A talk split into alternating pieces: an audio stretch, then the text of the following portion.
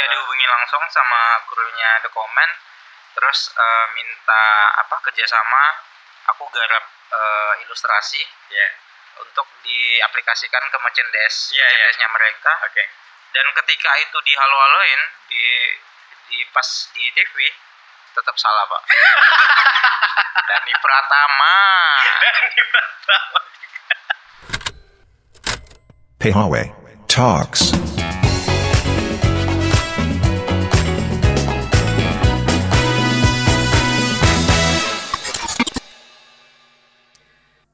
Jumpa lagi di PHW Talks episode yang lainnya Eh, bersama saya kali ini Dani dan kali ini kita kedatangan seorang tamu spesial.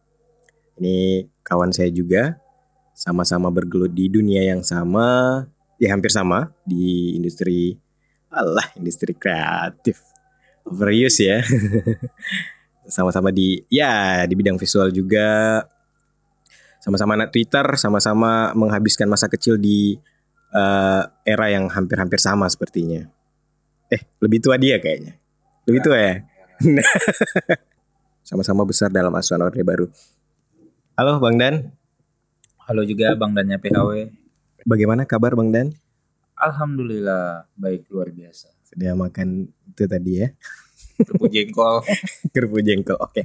Eh, di episode kali ini kita akan cerita-cerita mengenai ya macam-macam proses kreatif yang dilakukan oleh Bang Dan sendiri, bagaimana latar belakang berkarya dan cerita di balik bagaimana akhirnya terjun di di industri seperti ini. Nah, satu hal yang mungkin yang menurutku yang paling menarik untuk diceritakan dulu ini tentang projectnya Bang Dan sendiri yang diberi nama Illustory dan ini eh, apa ya bukan hanya project ya ini ini nama yang yang membuat Illustory itu Bang Dan gitu ya kan yes Oke Illustory seperti yang kita tahu mungkin yang belum ini Bang Dan adalah seorang kartunis dan ilustrator kebanggaan Riau Asik. Asik. yang karyanya tidak hanya yang karyanya tidak hanya di dikenal secara nasional saja bahkan eh, beberapa kali karyanya viral di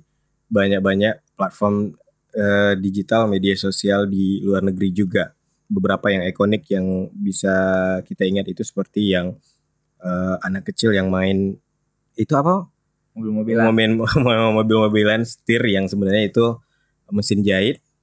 Nah, kemudian satu lagi yang hard itu ternyata yang juga ini di 9 gag. 9 gag waktu itu ya. Karya-karya Bang Dan ini adalah ilustrasi yang dekat dengan keseharian kita dan kebanyakan dari ilustrasi dan karya-karyanya itu biasanya itu triggering gitu ya, nyentil nyentil gitu. Nyentil dikit. Bahkan lebih banyak juga tentang masa kecil. Boleh cerita-cerita Bang Dan? Oke, jadi eh cerita sedikit tentang background Illustory itu awalnya tercipta karena apa ya? Jadi, iya. eh, Illustory itu sebenarnya campaign sih. Kalau menurut aku itu adalah sebuah campaign dan movement di sosial media. Oke. Ya sebenarnya gitu. Jadi eh Illustory itu adalah mengajak orang sebenarnya untuk eh, menggambar sesuatu hal. eh namun idenya itu diangkat dari hal-hal eh, yang dekat dengan yang dekat keseharian. dengan keseharian gitu yang biasa kita alamin di kehidupan sehari-hari gitu kayak gitu sih jadi hal yang biasa diangkat itu adalah hal-hal yang berasal dari hal paling sederhana gitu loh Oke. paling sed- sederhana di kehidupan kita Tapi benar-benar eh, dalam artian ini menyentil itu benar-benar eh, ada banyak karya-karya Bang Dan yang yang sepertinya semua orang mengalami di masa itu gitu. Hmm. Seperti hal-hal yang vi- lekat sekali di visual misalnya sendal Doraemon, mainan-mainan, eh, permainan zaman dulu eh, eh, cemilan dan Cemilan, makanannya. makanan, kebiasaan Eh, bahkan yang hal yang lebih detail lagi seperti pernak-pernik eh, dekorasi rumah yang defaultnya di zaman Orde Baru memang tidak tahu memang seperti itu Iya. sepertinya ada hiasan gajah, keramik gajah, porselen gajah, ada itu mainan kulkas mainan kulkas sama sama ini apa eh, hiasan dinding gambar Ka'bah Ka'bah. Nah. Itu untuk yang muslim. jadi muslim kalau yang untuk non muslim ada juga Ada, ada Cuman tapi nggak mirip mirip juga seperti itu. mirip mirip mirip ada gitu Tapi kayak gitu ya ada ada hiasan-hiasan DIY kayak gitu. Oke. Nah, proses Illustory sendiri ini tercipta sengaja atau tidak? Hmm, kalau untuk Illustory itu awalnya untuk hashtag itu resminya eh, baru lima tahun. Masuk Berarti tahun. Illustory yang Untuk eh, eh, untuk resminya me- mengangkat menggunakan hashtag Illus- menggunakan hashtag Illustory itu baru eh, masuk ke tahun ke-6 gitu. Cuman sebelum eh, aku menggaungkan hashtag Illustory sebenarnya udah konten-konten konten-konten- serupa konten itu sudah ada. udah udah dari dulu Oke. gitu. Nah, gitu. eh, Karena ji- karena eh, jujur aku punya apa ya? eh, kenapa aku mengangkat hal-hal eh, sederhana yang seperti itu karena tipikalnya aku itu adalah aku eh, paling anti gitu. Maksudnya cari ide yang ribet-ribet, yang berat-berat, yang sifatnya futuristik, yang eh, semisalnya lah kayak gitu. Aha, aku lebih oke. suka hal-hal yang berdasarkan itu pengalaman pribadi, pengalaman masa kecil Iya, oke. di kehidupan sehari-hari gitu aja. Jadi itu sih. Hmm, oke. Tapi bukan berarti ini ya. eh tidak ribet, tidak sederhana, bukan berarti craftsmanship-nya juga sederhana. Terbukti total gitu ya. Iya, total. Eh, maksudnya gini, eh, kalau dari penilaian aku, hal-hal yang ditampilkan Karya yang dekat, ah, tapi Dekat dengan- tapi bukan berarti eksekusinya juga sederhana. Terbukti eh, total juga di di pengerjaannya. Hmm. Eh, begitu ngelihat itu memang langsung, oh ini memang betul gambaran gambaran masa gambaran seperti yang kita kenang di masa kecil dulu hanya saja dalam versi stylenya Bang Iya, Dan. nah, betul. Ya, betul gitu kan. Jadi walaupun sederhana eksekusinya tetap total. Eh, tapi kalau mau cerita sedikit tentang Illustory ya, Hmm. eh sebenarnya Illustory itu bukan eh, khusus mengangkat hal-hal di masa kecil sih atau 90-an. Mhm, Enggak. ya. Eh, sebenarnya Illustory itu sebenarnya semua era. Cuman eh, dalam eh, ketika eksekusi ternyata kebanyakan ide itu emang dari 80% itu dari hal yang aku alamin di era 90-an kayak gitu. Oke. Jadi Illustory itu tidak hanya mengacu kepada eh, konten-konten yang bercerita tentang oh gimana dulu Sebenarnya tidak 90. dikhususkan hanya Tidak untuk dikhususkan. hanya untuk Jadi ya ada beberapa Illustory yang juga mengangkat hal-hal atau kebiasaan yang kita lakukan zaman sekarang. Contohnya, contohnya kayak eh, kalau kita orang di Sumatera itu kita kalau eh, kalau yang tidak punya garasi, garasi mobil atau motor itu par- memarkirkan motornya di mana? Ruang tamu kan. ya yang tidak punya garasi motornya Nah, di, di ruang ah, tamu ya gitu. benar-benar. Nah, itu jadi salah satu eh, ide Illustory yang sampai sekarang tetap orang lakukan gitu loh. Dan aku pernah ngangkat itu gitu. Iya iya iya. Kayak gitu sih. Tapi yang jelas Illustory itu kayak keywordnya can relate gitu. ya. Hmm. Can relate. Gitu. Dan relate lah. Oh, can relate lah, can relate lah. Shopping shopping eh, very cheap lah. Balik lagi tadi eh, soal besar di era 90-an di dalam asuhan Orde Baru. Pak Soeharto. Eh, ya, Masih ada Kementerian Penerangan. Harmoko. Iya, eh, maksudnya kita tidak tentu tidak akan eh, tertarik untuk bahas bagaimana situasi politik, sosial politik saat itu, tapi bagaimanapun eh, Orde Baru adalah sesuatu yang masuk ke sendi-sendi kehidupan kita. Iya. Banyak hal-hal yang stereotip itu produk emang produk propaganda. Iya, iya, betul, ya, contoh misalnya eh, buku Posyandu, eh, catatan Posyandu itu apa? Eh, Buku apa ya? Itu buku laporan ya, kalau nggak salah ya. Yang sampulnya itu ya. Iya, yang sampulnya ibu-ibu sambil kebaya, Kebaya menyusu me- menyusui. sebagai iya. Iya, Apa, apa, bahasa nyusuin anak gitu eh, ya. ya, menyusui anaknya. Nah, itu kan iya ya, itu produknya Orde Orde menyapi, menyapi, menyapi itu ya. menyapi. ya menyapi menyusui, Pak. Oh, menyapi menyusui. Heeh. Iya, sorry. Betul enggak? Nggak tahu, nggak tahu. Oke. Nah, itu ada logo KB-nya bukan ya? Enggak, Hmm, Posyandu gitu ya. Posyandu kayaknya. Bakti Husada. Nah, eh, lainnya juga seperti misalnya eh sinari di mana ketika kecil dulu dan ternyata banyak juga yang mengalami ketiduran di ruang tamu itu kira-kira jam 9 berarti dulu ya. Jam 9-an. 9 itu udah harus tidur dulu. Jam 9 eh, ketika dibangun eh ketika dibopong ke tempat tidur itu sudah dipastikan Soundtracknya adalah Dunia Dalam Berita. Lukas banget. Iya, nah. dunia dalam berita itu apa ya? Terngiang-ngiang dalam Terngiang-ngiang dalam gitu loh. alam bawah sadar kan? Ah, jadi itu Pemirsa. kalau udah dunia dalam berita berarti itu tandanya udah harus tidur. Udah harus tidur. Harus tidur gitu. Dan biasanya jelang itu udah tidur juga. ya menjelang itu udah tidur juga gitu. Cuman ketika dibopong itu ya yang kebanyakan emang nggak sadar kan. Tapi Ah. buat orang yang sadar, oh itu udah jadi petanda bahwa itu udah masuk jam tidur. kayak Sudah harus tidur.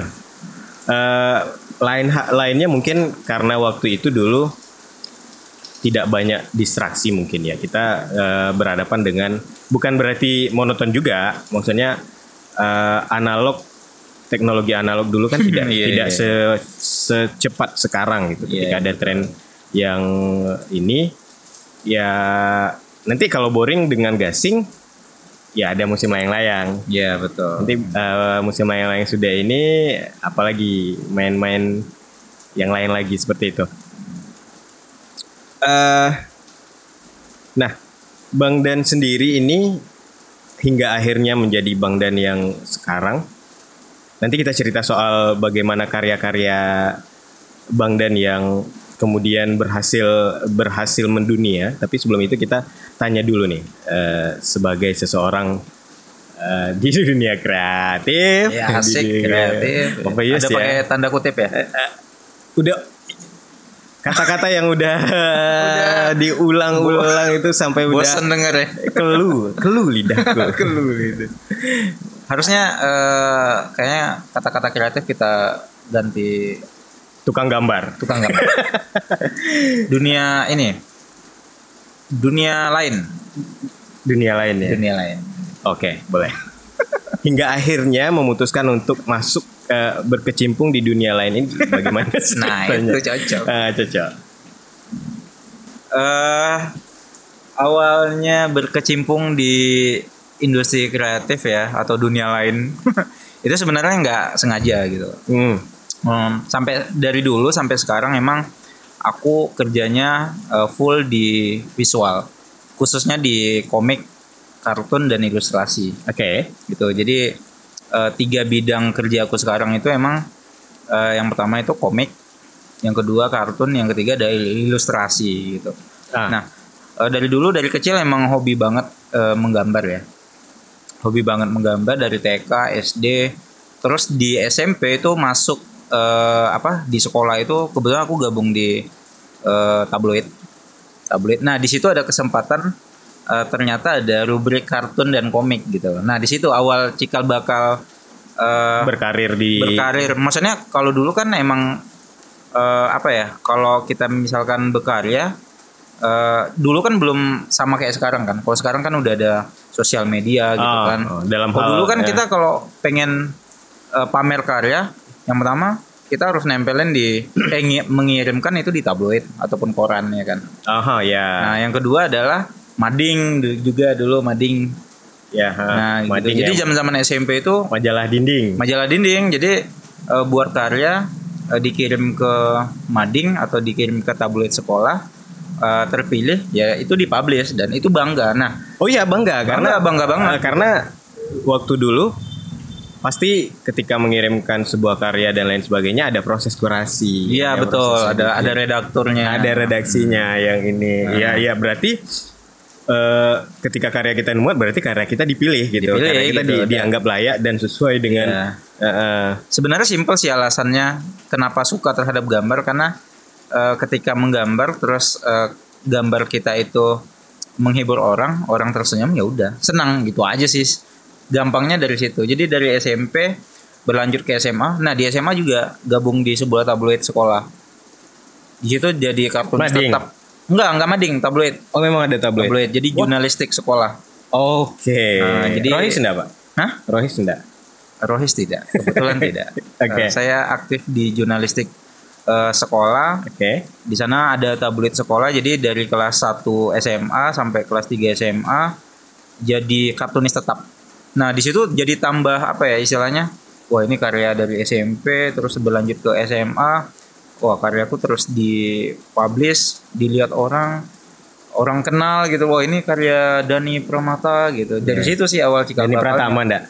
Eh, ini juga hal yang menarik nih Dani Dani Pramata ini nama yang sering sekali tertukar apalagi ketika di mention Salah, ya. eh, kredit itu Dani dibikin Dani Pratama. Pratama. Mulai saat ini saya tegaskan kawan-kawan mohon dicamkan ya Pram Tam Pramata. Pramata jadi Praes Ah? Oh, pre. ah, Oke, oke, ya. Pramata. Receh Jadi ya? cerita ya, maksudnya untuk Dani eh, nama Dani Pramata itu emang secara visual ini pengalaman ya, maksudnya dari kecil sampai aku kuliah, sampai sampai nikah bahkan gitu. Jadi dengan nama Dani Pramata itu banyak banget salahnya. Banyak banget ceritanya gitu loh. Mhm. Jadi zaman sekolah, zaman kampus itu penulisan salah salah terus gitu. Yang Dani yang secara visual kan sebenarnya Dani Pramata. Karena lazimnya Lazimnya orang namanya Dani Pratama. eh, zu- sub apa ya bukannya kata yang lebih banyak itu pratama. Pratama, gitu. kebanyakan orang emang di Indonesia eh, pakai nama itu kan Pratama. Pratama. Nah ini orang tua aku entah kenapa kasih nama Dani Pramata ya. Dan- Diseleksi ya. Hah? Kenapa? diseleksi ya.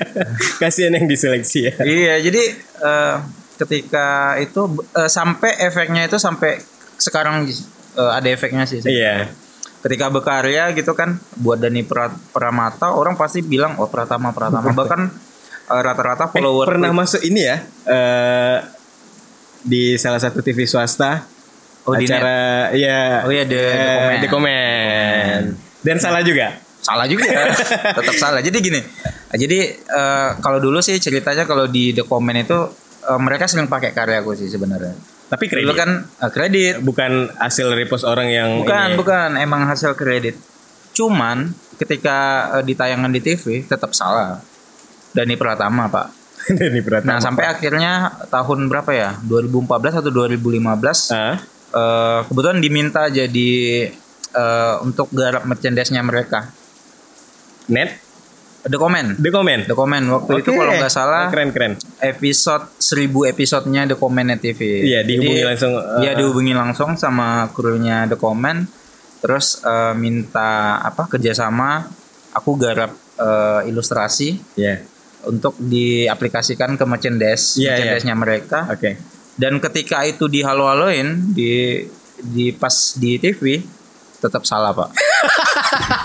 Dani Pratama. Dani Pratama juga Aduh. padahal sudah kontrak eksklusif ini eh ya untuk eh, kontraknya untuk itu aja sih maksudnya untuk garap eh, merchandise Oh, cuman garap. ketika wah udah udah sering nih udah sering masuk the comment ditayangin gitu kan wah ini ada kartun eh, karya Bang Dan Wah, dulu kan eh, era-eranya awal-awalnya Instagram tuh Iya, tahun eh. 2004 eh, da- tahun 2014 du- 2015 oke Nah dari situ terus cuman ketika eh, dikon di dikontak langsung terus eh, digarap eh, diminta untuk menggarap merchandise-nya. Padahal udah wanti-wanti loh pak, udah kasih note bahwa Dani Pramata nanti ya kalau misalkan ada eh, penyebutan atau kredit nama saya Dani Pramata, tetap salah pak. Habis itu aku iniin gitu kan, "Ba- eh, Mas ini namanya kok Dani Pratama. Aduh, eh, staffnya aku nih salah nih gini-gini ya. Tapi ya Eh, udahlah. iya, iya, iya, iya, iya, iya. Baik, eh, kita akhiri saja curhat ini. Ya, Iya curhat ya jadi. Tentang nama loh itu. tentang nama karena memang eh, sedangkan yang punya nama juga ngeluh ya. Apalagi kita ya. Cuman gini, kebanggaan aku adalah Dani Pramata itu mungkin salah satu nama di galaksi ini. Pramata ya, Pramata. Pramata. Oke, Satu-satunya orang yang punya nama Dani Pramata itu bisa dipastikan kalau Dani banyak, Dani banyak. Pratama apalagi. Ada juga seorang musisi yang baru keluar dari Itu Ahmad Dhani. Oke. Ya, terus tapi kalau Dani Pramata boleh dicek. Boleh, oke, siap. Oke, Gitu baik. sih. Nah, eh, tadi sudah cerita soal nama, cerita soal intinya berarti tidak sengaja ya masuk sini. Nggak Maksudnya sengaja. bukan bukan cita-cita dari awal. nggak cita-cita dari awal Bukan gitu. cita-cita Jadi dari awal. eh, melanjutkan cerita tadi, oh jadi eh, terjeda sama curhat ya. Ya. Curhat masalah nama. Jadi ketika di SMA eh, lanjut ya jadi kartunis tetap di tablet sekolah. Nah, masuk ke kuliah nih. Masuk di zaman kuliah, masuk eh, sebuah komunitas. Kebetulan aku eh, aktif di komunitas eh, kartun di Riau namanya Sikari.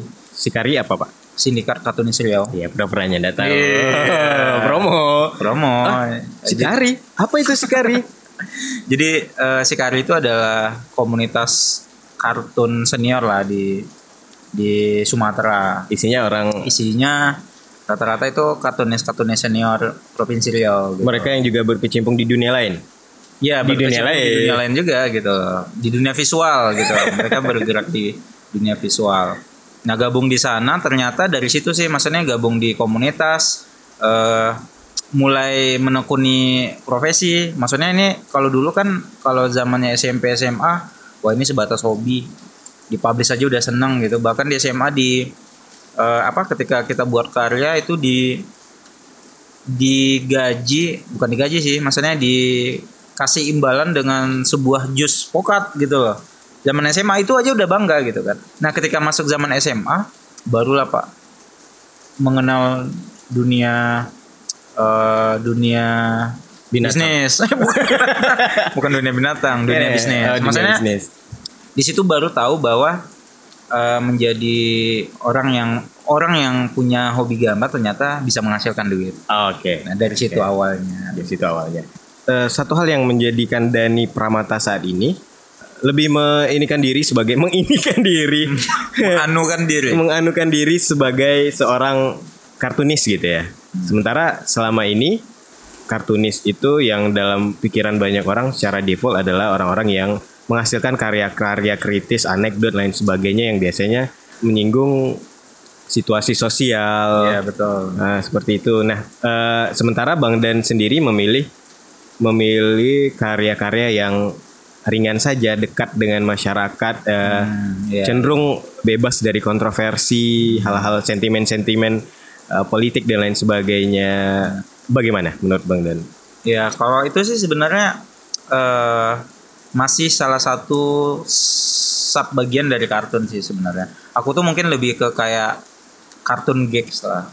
Eh, Jadi kan kalau di kartun itu kan sebenarnya luas. ya, Nah ada yang tapi eh, kalau di masyarakat luas emang Nah, dulu kan Menganggap- dalam ini eh, perkenalan kita dengan sosok kartunis itu biasanya kan dari misalnya kalau dulu eh, masa masih eranya media cetak kan Ya. eh, biasanya ada kolom-kolom Ya, kartun rubrik. yang eh, rubrik eh, kartun yang di pojok biasanya itu biasanya eh, ada yang di belakang tajuk rencana ada yang satu halaman dengan eh, headline-nya ya itu biasanya menyentil eh, situasi politik ya, politik, eh, sosial, gitu ya. subjektif tapi eh, biasanya itu sesuatu yang relate juga sebenarnya Iya, iya, hanya betul, betul. hanya eh, biasanya itu berisikan sentimen biasanya Iya, iya, berisikan nah kalau bang Dan kan memilih untuk eh, menciptakan karya-karya yang sederhana.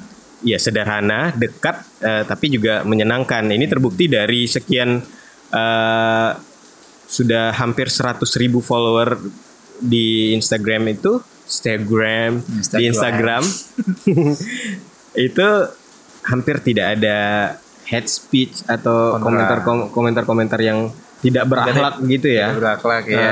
Gitu. masih kondusif masih kondusif, Nah, Kalau itu sih eh, apa ya? Jadi salah satu eh, sengaja seperti itu misinya memang seperti itu atau bagaimana Iya, karena gini, karena eh, kebanyakan konten Illustory itu kan tentang 90-an. Nah, jadi penikmatnya itu adalah orang-orang yang lahir di era tahun 80-an ke 90-an. Sebaya-sebaya kita lah. Hmm. Yang udah punya anak satu dua gitu. Eh, Kayak gitu.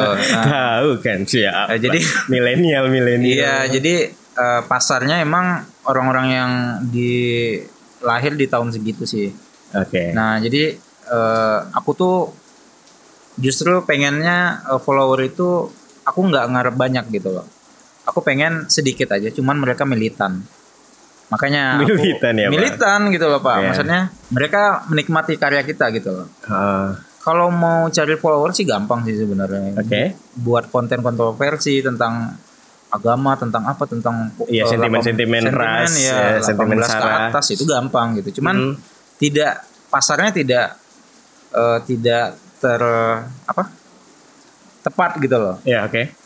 campur-campur kan oh ada Ah, orang iya. tua lah ada anak kecil ada anak SD yang dia udah dikasih HP sama orang tuanya gitu kalau aku nggak gitu aku membangun Illustory itu pengen memperkerucut eh, penikmat Eh, oke. gitu jadi penikmat aku emang rata-rata Iya, mereka Iya, yang me- mereka yang- menikmati nostalgia di Iya, masa kecil dan gitu ya. makanya mereka eh, banyak yang bilang bahwa wah ini rata-rata karya Bang Dan relate gitu loh kehidupan mereka gitu. Karena ya ya apa yang aku angkat itu emang zamannya lagi zamannya mereka. gitu. Pas persis. Tapi yang jadi kemudian jadi terpikir selanjutnya adalah eh ternyata masa kecil kita hampir-hampir sama. Iya, hampir kayak sama. Gitu, kayak gitu semua default eh, ada ini ya default settingnya ya sebelum Iya, ada iya. custom custom customnya. Bahkan ketika dewasa nanti juga juga ingin dikenal sebagai eh, dengan stereotip apa nih anak pang ya kayak gini outfit dan Iya. starter packnya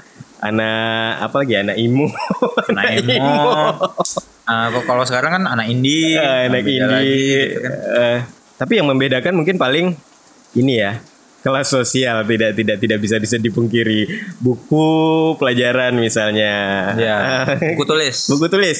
Buku sorry sorry buku tulis. Ya kayak buku tulis. Eh, jadi sudah diklasifikasikan mana yang anak sultan. Anak Sultan. ya kelas menengah, dan kaum papa, jadi itu jadi eh, emang itu kita apa ya kita alamin sih. Maksudnya kita melihat lingkungan zaman itu Iya.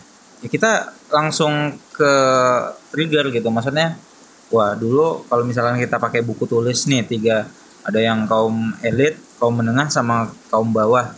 Nah kita Duafa. bisa kaum dua apa gitu. Nah kita bisa memposisikan diri. Kalau saya dulu di tengah. Oh di tengah. Kaum menengah gitu. Kiki.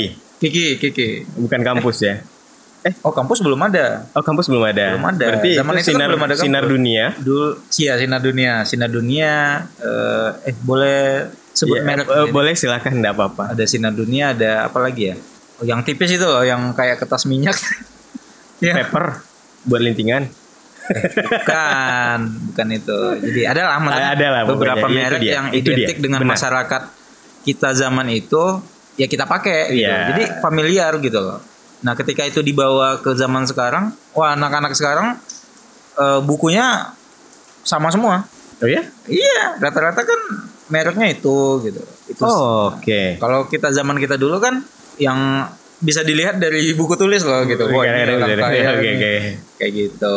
Iya, dalam dalam prakteknya sampai saat ini juga bukan bukan hanya di buku tulis, tetap ada ya anak yang ini pakai iPhone misalnya. Oh, iya, dari merek. dari, merek, ya, eh, dan lain- smartphone ya. Oh, misalnya kayak gitu.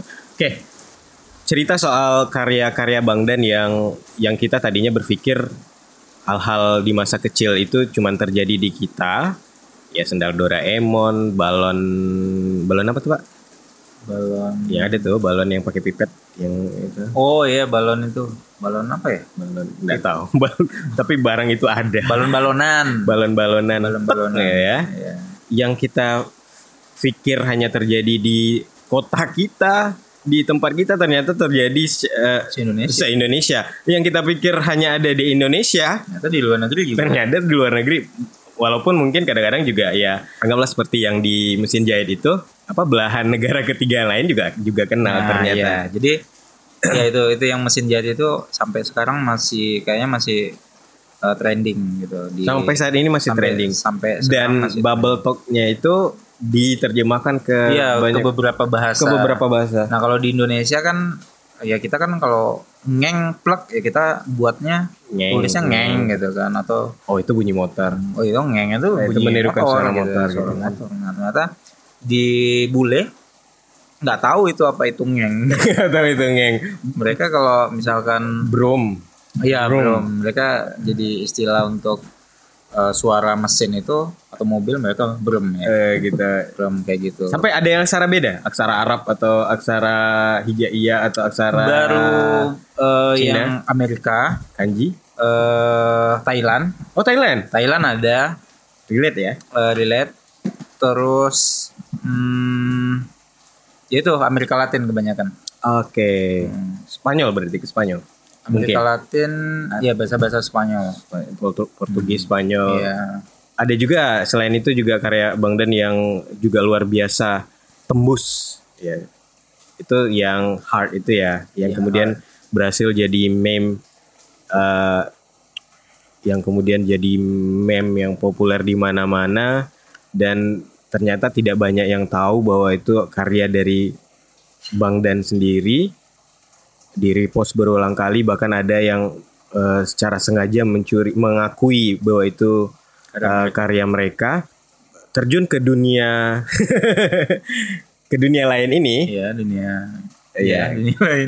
ya oke jangan pakai industri kreatif ya terjun ke dunia lain ini eh, tentu resikonya misalnya di di olah visual karya-karya yang akan kita karya-karya yang kita upload itu tentu dari awal kita sudah harus menyadari bahwa karya ini akan tersebar akan Jadi konsumsi Iya. publik. Ya konsumsi publik bahkan mungkin digunakan dengan cara-cara yang tidak tidak elok, tidak pantas dan lain sebagainya.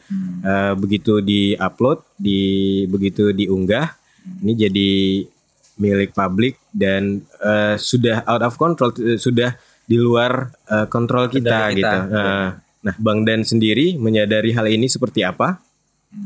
Kalau bagi aku sih ya, maksudnya kalau dulu kan kita berkarya publish di offline. Maksudnya Ya, di kayak media misalnya di cetak eh, atau di tabloid mading, dan ya. mading. mading gitu kan di koran. Nah kalau sekarang kan karena udah zamannya sudah makin berkembang ya dengan era digital ya apalagi dengan adanya Instagram, Twitter, Hmm? Terus Facebook gitu kan itu jadi sebenarnya eh, nilai positifnya kita bisa bisa ekspansi apa apa istilahnya kita bisa eh, jadiin eh, media digital itu sebagai platform kita bermain sih sebenarnya gitu Oke, heeh, setuju. namun eh sebelum kita terjun ke dunia digital, kita harus bijak dulu sih. Kita harus tahu beberapa poin yang apa ya resiko gitu loh. risiko terutama plagiasi. Plagiasi, ya. Plagiasi. Kalau di dunia kalau di, di dunia karya ini kan plagiasi itu menjadi salah satu masalah yang besar sebenarnya gitu kan. Masalah Sampai yang- sekarang eh, kan. resiko terbesar yang akan pasti dia. Nah, aku jujur, aku dari dulu eh, s- dari zamannya BBM aku udah jadi korban plagiat sih sebenarnya. Oh, Nah, terbukti BBM? ya dari zaman BBM gitu. Jadi terbukti ada beberapa beberapa karyaku yang emang udah sering diambil orang viral, bahkan dicetak dicetakin di spanduk, bahkan sampai sekarang ada yang dicetak terus ditempelin di sebuah kampus di Pekanbaru ada Eh, kayak gitu. Jadi tanpa emang tanpa menampilkan kredit, ya tanpa menampilkan Eh, kredit, tanpa mencantumkan kredit. mencantumkan kredit. Jadi dari dulu emang udah pengalaman banget jadi masalah pencurian karya. Nah kalau tapi bagi aku eh, sebelum terjun di dunia digital, sebelum publish karya kita di dunia digital atau di sosmed seperti sekarang, Mhm. itu sebenarnya kita harus bijak gitu. Bijaknya adalah kita harus tahu resiko. Karena dunia internet ini kan dunia digital ini adalah dunia yang tidak bisa kita kontrol 100% Tidak, aha. pergerakannya ke mana kita nggak tahu gitu loh. Nah kalau kalau aku percaya sih sebenarnya ketika karya kita itu dipublish di sosial media atau di internet, ya emang iya sih itu udah jadi konsum konsumsi publik itu. Iya, aha. Publik itu punya hak untuk mengakses kan atau mengambil. Kita nggak tahu gitu loh. Ah, Walaupun kita eh, pengennya, wow jangan sampai ini karya kita dicolong gitu atau diambil orang. bahkan Tapi- ada yang setelah me-download bukan hanya sebagai eh, taruhlah misalnya di ambil hanya untuk koleksi pribadi misalnya. Ya, masalah. Ya, eh, tapi tidak menutup kemungkinan juga mereka yang mengambil manfaat ekonomi dari situ tanpa izin ada Nah, ada hal iya, seperti banyak itu. pak jadi nah itu eh, kalau aku sih nggak masalah sih berkarya di karena dari awal eh, Iya. tujuan berkarya itu emang pengen menghibur aja sih sebenarnya aku nggak nggak ada target Tidak ada terkenal. keinginan untuk ria. iya iya kan kita pamer Oh, pamer. pamer karya Iya. kan itu ria dalam kreativitas nggak masalah Sukaria, sukaria. sukaria. Nah kalau aku sih sebenarnya kalau karena basicnya menggambar itu ya pengen berkarya, eh pengen menghibur orang, Hmm. yang masalah sih. Misalkan karya di repost gitu dengan mencantumkan kredit, ya nggak masalah gitu. Aku aku malah seneng. Cuman yang tidak aku suka adalah ketika orang yang menjadikan mengambil karya aku itu untuk kepentingan komersil. Ya. Nah, beberapa sempat kejadian gitu loh. Oh, Maksudnya ada kejadian. kejadian banyak banyak malah. Jadi beberapa karyaku itu dijadiin eh, artikel untuk kaos.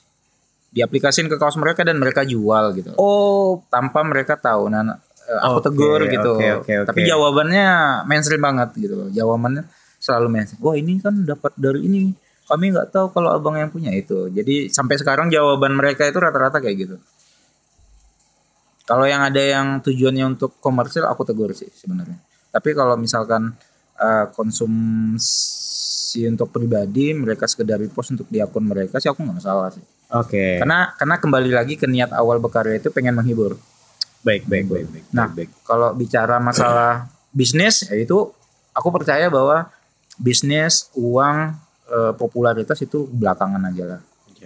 Tapi ada hal yang lebih penting daripada hanya sekedar mencantumkan watermark itu sendiri aja sebenarnya bisa di bisa diakali kalau hanya sebatas watermark misalnya kayak gitu kan Ya, di Photoshop juga bisa hilang. ya betul betul. Uh, ada ada hal yang lebih penting misalnya uh, branding brandingnya Nah, sang artis iya, betul. gitu kan style personal stylenya sendiri. Jadi ketika satu karya satu karya di upload orang ya Bang Dan sendiri orang sudah tahu begitu lihat uh, style dan dan muatannya orang sudah Iya, tahu iya. ini Bang Dan sangat Bang Dan sekali gitu ya. Jadi bang dannya PHW gini. Jadi eh, apa ya? Jadi salah satu keuntungannya eh, aku selalu konsisten eh, terhadap yang namanya itu style karya. ya Nah, branding karya itu emang aku dari dulu ya stylenya kayak gitu gitu loh. Nah, jadi untuk eh, melawan plagiat plagiat apa pencurian karya, plagiat karya ya itu tadi aku bilang. Maksudnya kita punya salah satu cara untuk eh, melawannya dengan branding karya kita. Mhm. Branding karya itu kan ada banyak ya. Iya. Yang pertama kita bisa dari style. Style karya kita seperti apa. Terus yang kedua adalah eh, penggunaan color kita atau warna kita kan itu udah Kalau bisa ya jadi color ident- palette eh, identitasnya eh, sang artis gitu ya. Terus yang ketiga konten. Nah, konten itu illustory. Illustory itu jelas jadi salah satu karak apa karakteristik atau eh, identitasnya Bang Dan gitu loh. Iya. Makanya kontennya Illustory walaupun viral ke mana-mana orang bakal tahu wah ini kontennya tentang masa lalu nih. Wah ini punya Bang Dan nih kayak gitu. Oh, Jadi Oke. tanpa aku buat pun apa tanpa aku buat watermark pun Orang tahu. orang bakal tahu itu Orang tahu. Bang Dan. Sampai saat ini bahkan dunia kreatif, industri kreatif, dunia lain ini eh, masih menjadi suatu yang asing di di di Di kita di kita di ya masyarakat di kita. di masyarakat kita di Indonesia di Pekanbaru di di tempat eh, di lokal ini masih satu hal yang Hah? itu hobi Eh, mereka berpikir bahwa itu itu hanya sekedar Hobi, hobi, hobi, bukan gitu. suatu hal yang eh, bukan suatu profesi berbeda dengan berbeda dengan budaya-budaya eh, luar yang mungkin eh, mungkin su- juga sudah lama me- mengapresiasi katakanlah misalnya Jepang yang Iya. bahkan seorang seorang penulis komik itu dip- eh, dipanggil setara eh, kalau tidak salah tidak salah ya sama-sama dipanggil sensei. Jadi dokter dan eh, dokter baik dokter dan komikus dipanggil sensei. Sensei. sensei? Sensei? Sensei. Sensei. sensei iya. Sebegitu penghargaannya terhadap orang-orang yang eh, passion mencurahkan segenap tenaga dan pikirannya di bidang-bidangnya masing-masing Hmm. Nah, ini pertanyaan yang sering sekali ditanyakan ke kawan-kawan dan ini bukan retoris. Maksudnya eh, Bang Dan saat ini juga pasti punya langkah awal dari pertama bagaimana hingga menjadi sekarang gitu. Pasti ada cerita-cerita di balik itu bagaimana terlebih kalau misalnya eh, berangkat dari keluarga yang apa ya eh, katakanlah yang old school. Oh, ya awam dan masih berpikir bahwa yang disebut Karir profesi adalah ASN. eh, ya ASN, dokter, insinyur, Iya, iya. apa, pilot, jaksa, dokter, dokter udah tadi ya, ya. Daftar-daftar itu tadi. Nah, membahas tentang profesi ya gitu. Kalau aku sih jujur, kalau aku sih jujur dari tadi aku jujur terus kayaknya. eh jujur. jujur emang Wah, jujur Oke, gitu. baik. Kalau aku sih eh, profesi ini karena tidak secara tidak langsung ya. Hmm, eh, tapi ternyata aku bisa hidup dari situ gitu loh. Aku percaya gitu. hmm, Nah, kendalanya adalah sebenarnya untuk di lokal sendiri, di kayak di Pekanbaru ataupun di Riau itu emang pasarnya agak kurang. Kok aku nggak tahu ya problemnya di mana. Apakah masyarakat kita yang tidak eh, bisa mengapresiasi, apakah juga pemerintah kita yang tidak bisa mendukung? Aku nggak tahu di mana masalahnya karena itu bukan tugas kita untuk mencari masalah ya. Ah, Mencari ah, solusi iya. gitu. Ah, Kalau aku sih nganggapnya kayak gitu. Cuman eh keleb apa bukan kelebihan sih, eh, kelebihan sih sebenarnya Eh, keuntungan atau beruntungnya aku itu adalah membangun link terhadap orang luar yang berada di luar pulau kayak gitu. Ah. Jadi selama ini eh, jadi cerita sedikit pekerjaanku pekerjaanku ku itu kan emang ini ya eh kerjaannya itu memproduksi konten-konten kartun atau komik untuk kepentingan eh, kampanyenya beberapa brand Oke. ataupun untuk kepentingan beberapa klien personal gitu. aha. Nah ternyata di luar pulau kita ini udah dunia yang kayak gitu tuh udah tumbuh gitu loh, sedang tumbuh. Ekosistem. Ekosistemnya udah hidup. Oke. gitu. Nah aku masuk di ekosistemnya mereka. Eh, medianya apa? Medianya sekarang kita udah ada internet, udah ada udah ada sosial media gitu. Ah. Jadi aku eh, caranya eh, untuk bertahan hidup itu emang masuknya ekosistemnya mereka gitu. Karena gini, karena kalau aku mengandalkan ekosistem di sini ya aku nggak bisa hidup.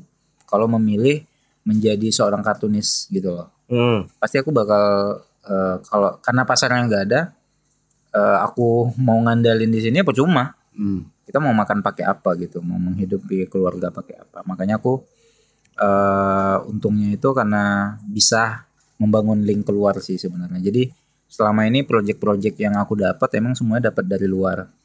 Sampai tetap- sekarang. Tapi tetap berusaha bangun ekosistem lokal. cita-cita kan? banget gitu cita-cita Ah, oke. banget jadi aku bersama teman-teman yang lain ya cita-citanya pengen di sini ekosistemnya kuat gitu Oke. mungkin kalau dibilang aku lah yang paling kompor lah di di lingkungan teman-teman komunitas wah ini ayo kita bangun ekosistem bangun ekosistem walaupun aku percaya sih suatu saat ekosistem kita bakal kuat tapi kita nggak tahu kapan Iya.